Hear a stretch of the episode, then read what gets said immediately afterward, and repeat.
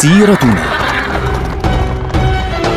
مع الدكتور عبد الله معروف.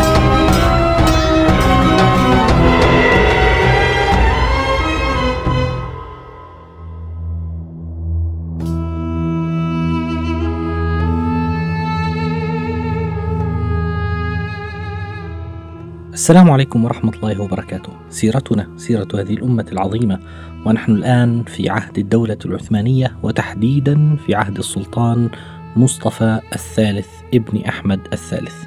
السلطان مصطفى كان حكمه يمتد ثمانية عشر عاما. خلالها كان أهم الأحداث بالدرجة الأولى الحرب الكبيرة التي كانت بين الدولة العثمانية من ناحية وروسيا من ناحية أخرى. بالرغم من انتصارات العثمانيين على الروس لكن الحرب كانت بينهم سجالا. أحيانا هزم العثمانيون بسبب عوامل يعني بعيدة عن قدرتهم مثل الأنهار على سبيل المثال وأحيانا انتصر العثمانيون في معارك أخرى معارك بحرية مثلا على سبيل المثال مثل معركة ميناء كورون وبعد ذلك أحرقت أساطيل العثمانيين. فبالتالي كانت هذه الحرب حربا عنيفة جدا بين الطرفين.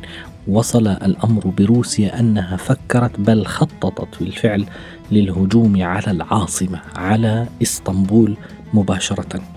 حيث حاول الأميرال اللي هو آه، قائد الجيش البحري الروسي ألفنستون حاول أن يهجم على مدينة إسطنبول بالفعل من خلال المرور في منطقة الدردنيل في مضيق الدردنيل ثم بعد ذلك الوصول من خلال بحر مرمرة إلى مباشرة إلى إسطنبول. لكن لم يوافقه بعض قادة الجيش خاصة قائده أرلوف في ذلك الوقت رفض ذلك وبالتالي يعني تحركوا باتجاه آه، منطقة مضيق الدردنيل وسيطروا على بعض آه، المناطق فيها وبعض الجزر بالدرجة الأولى القريبة من مضيق الدردنيل وسلحوها بالمدافع الكبيرة وبالتالي صارت المدينة مدينة القسطنطينية محاصرة من ناحية الدردنيل. يعني لا تستطيع أن تتجاوز بحر مرمرة بالفعل. وبالتالي السلطان العثماني مصطفى الثالث بدأ يرتب الأمور لصب المدافع وترتيبها وتجهيز مدافع جديدة لضرب هذه الاستحكامات العسكرية الروسية في منطقة الدردنيل. فمباشرة آه، القبطان العثماني حسن بيك الذي كان قائد الجيش البحري في ذلك الوقت هاجم سفن الروس فعليا قرب مضيق الدردنيل وألزمها مباشرة بالانسحاب ومباشرة الروس حاولوا أن يضربوا طرابزون من جهة البحر الأسود ولكنهم أيضا هزموا في هذه المنطقة. فبالتالي نلاحظ الحرب كانت عنيفة بين الطرفين. طبعا مباشرة النمسا تدخلت وحاولت أن توقف الحرب بين الطرفين وتوسطت لهدنة بين الطرفين. فمباشرة صار بين الطرفين هدنة بين الدولة العثمانية من ناحية وبين روسيا من ناحية أخرى ومدت هذه الهدنة مرة أخرى. ولكن روسيا في ذلك الوقت حاولت أن تستفز الدولة العثمانية لكي توقف هذه الهدنة ويعني تستمر الحرب بين الطرفين.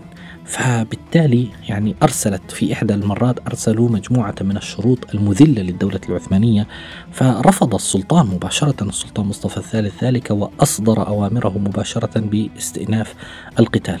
فهزم الروس مباشرة أمام مدينة آه، سيلسترا ومدينة راسغارد مدينة راسغارد قريبة على مدينة آه، سيلسترا. آه، اللي هي قريبة على بوخارست على فكرة اليوم في رومانيا فحدث هناك قتال وتمكن العثمانيون من السيطرة على هذه المدن بالفعل وقتل في هذه المنطقة تحديدا في منطقة سيلسترا قتل في ذلك الوقت ثمانية آلاف جندي روسي فتراجع الروس مباشرة وبالتالي بدأت الحرب تميل إلى صالح الدولة العثمانية.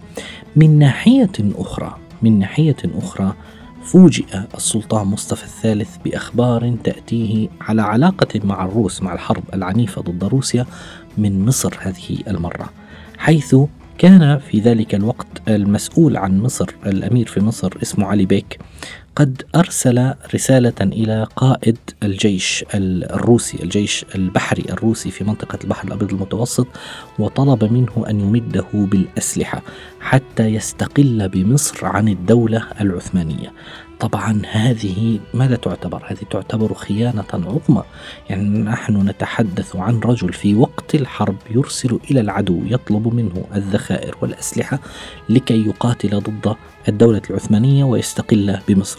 مباشرة القائد الروسي. مباشرة طبعا القائد الروسي سر سرورا شديدا بهذه الرسالة. فأرسل إليه عددا من الأسلحة والذخائر لكي تثار المشاكل داخل الدولة العثمانية. وبالتالي تحرك هذا الرجل علي بيك باتجاه غزة.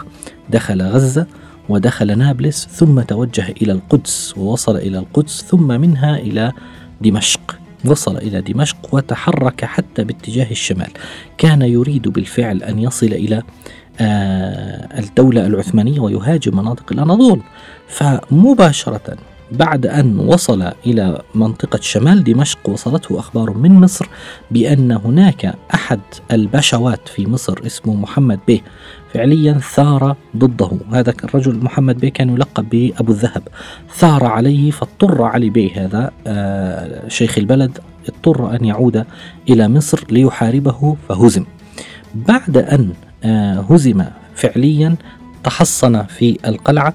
ثم بعد ذلك التجأ إلى شخصية مهمة جدا جدا في هذا الوقت وهي الشيخ ظاهر العمر الزيداني. ظاهر العمر الزيداني كان في ذلك الوقت يحكم منطقة عكا وهذا الرجل هو الشيخ ظاهر العمر طبعا شخصية مهمة جدا في هذه المرحلة كان هذا الرجل تقريبا إن صح التعبير مستقلا بحكم المنطقة التي آه، في شمال فلسطين. طبعا ظاهر العمر بدأ حكمه في عهد السلطان أحمد الثالث واستمر حكمه طوال عهد السلطان محمود الأول ثم عثمان الثالث وفي عهد مصطفى الثالث وتوفي أو قتل إن صح التعبير بعد آه، وفاة السلطان مصطفى الثالث في عهد عبد الحميد الأول في بدايات عهد السلطان عبد الحميد الأول بعد السلطان مصطفى الثالث. فظاهر العمر بالفعل كان يريد أن يستقل بفلسطين عن الدولة العثمانية. فلذلك دعم هذا الرجل دعم علي بيك ودعم عصيانه على الدولة العثمانية. فبالتالي اتحد الشيخ ظاهر العمر الزيداني وشيخ البلد علي بيك ضد الدولة العثمانية مع الروس في ذلك الوقت وتمكنوا من دخول مدينة صيدا حيث حاصروا مدينة صيدا والتقوا بالعثمانيين خارج مدينة صيدا وانتصر الطرفان عليهم. يعني ظاهر العمر وعلي بيك مع الروس اتجهوا وانتصروا على العثمانيين خارج مدينة صيدا. ثم بعد ذلك طبعا كان على فكرة كان الذي يساعدهم كانت المراكب الروسية التي كانت في البحر تضرب الجيش العثماني. وفي ذلك الوقت ضربت بيروت لأول مرة قصفت من البحر. يعني دمرت في بيروت عدد من البيوت في ذلك الوقت بسبب ضرب الأسطول الروسي لهذه البيوت في داخل مدينة آه، بيروت. بعد أن حدثت هذه المعارك في منطقة بيروت وصيدا بالتعاون مع آه، ظاهر العمر الزيداني عاد علي بيك إلى مصر لكي يحارب محمد بيك أبو الذهب الذي ثار عليه وانضم إليه في جيشه 400 جندي روسي. فتواجه الطرفان اللي هو أبو الذهب محمد بيك أبو الذهب مع شيخ البلد علي بيك في منطقة اسمها الشرقية يعني قرب الصالحية وانتصر عليهم محمد بيك أبو الذهب. وأسر علي بيك وأسر معه أربعة من الضباط الروس الكبار وقتل كل من كان معهم. وأثناء عودة هذا الرجل اللي هو آه، أبو الذهب إلى مصر فعليا إلى القاهرة أقصد توفي علي بيك. هذا الرجل الذي قام بهذا العصيان كاملا بسبب الجراح التي يعني أصيب بها أثناء الحرب أثناء القتال. فأمر بقطع رأسه. أبو الذهب أمر بقطع رأسه وأرسله مع الضباط الروس الأربعة إلى الوالي العثماني خليل باشا. فخليل باشا أرسلهم إلى السلطان مصطفى الثالث. طبعا هذه الحادثة كان لها أثر كبير جدا في الدولة العثمانية وفي تاريخها كانت أول مرة تحدث فعليا ثورة وعصيان في داخل المناطق العربية بمساندة من العدو الذي يحارب الدولة العثمانية اللي هو الروس. وكانت أول مرة تقصف المدن العربية والإسلامية من قبل جيش غريب الجيش الروسي عندما قصف بيروت في ذلك الوقت. طبعا آه، كان هذا الأمر مؤثرا جدا وله آثار سلبية كبيرة جدا على العلاقة بين الدولة العثمانية من ناحية وبين بلاد الشام في ناحية أخرى. طبعا ظاهر العمر من ناحية أخرى الشيخ ظاهر العمر الذي كان في آه، عكا وفي آه، صيدا بعد ذلك حاول أن يسيطر على عدد كبير من المناطق ولكنه فعليا آه، هزم على يد أحمد باشا الجزار وقتل في حدود عام 1775 يعني بعد وفاة السلطان مصطفى الثالث بقليل. توفي أو قتل إن صح التعبير آه، ظاهر العمر واستلم الحكم من بعده أحمد باشا الجزار وهو شخصية مهمة جدا سنتكلم عنه لاحقا فعليا لأنه الذي واجه نابليون بونابرت.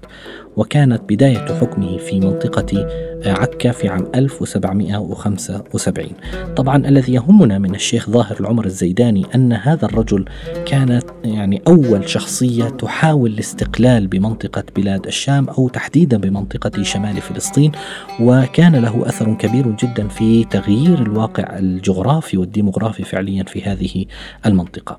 توفي السلطان مصطفى الثالث في الثامن من ذي القعدة عام 1187 آه، للهجرة الموافق للحادي والعشرين من يناير شهر واحد عام 1774 واستلم الحكم من بعده أخوه السلطان عبد الحميد الأول. نلقاكم على خير والسلام عليكم.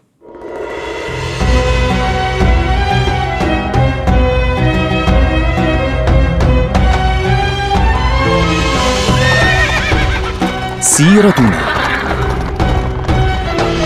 مع الدكتور عبد الله معروف.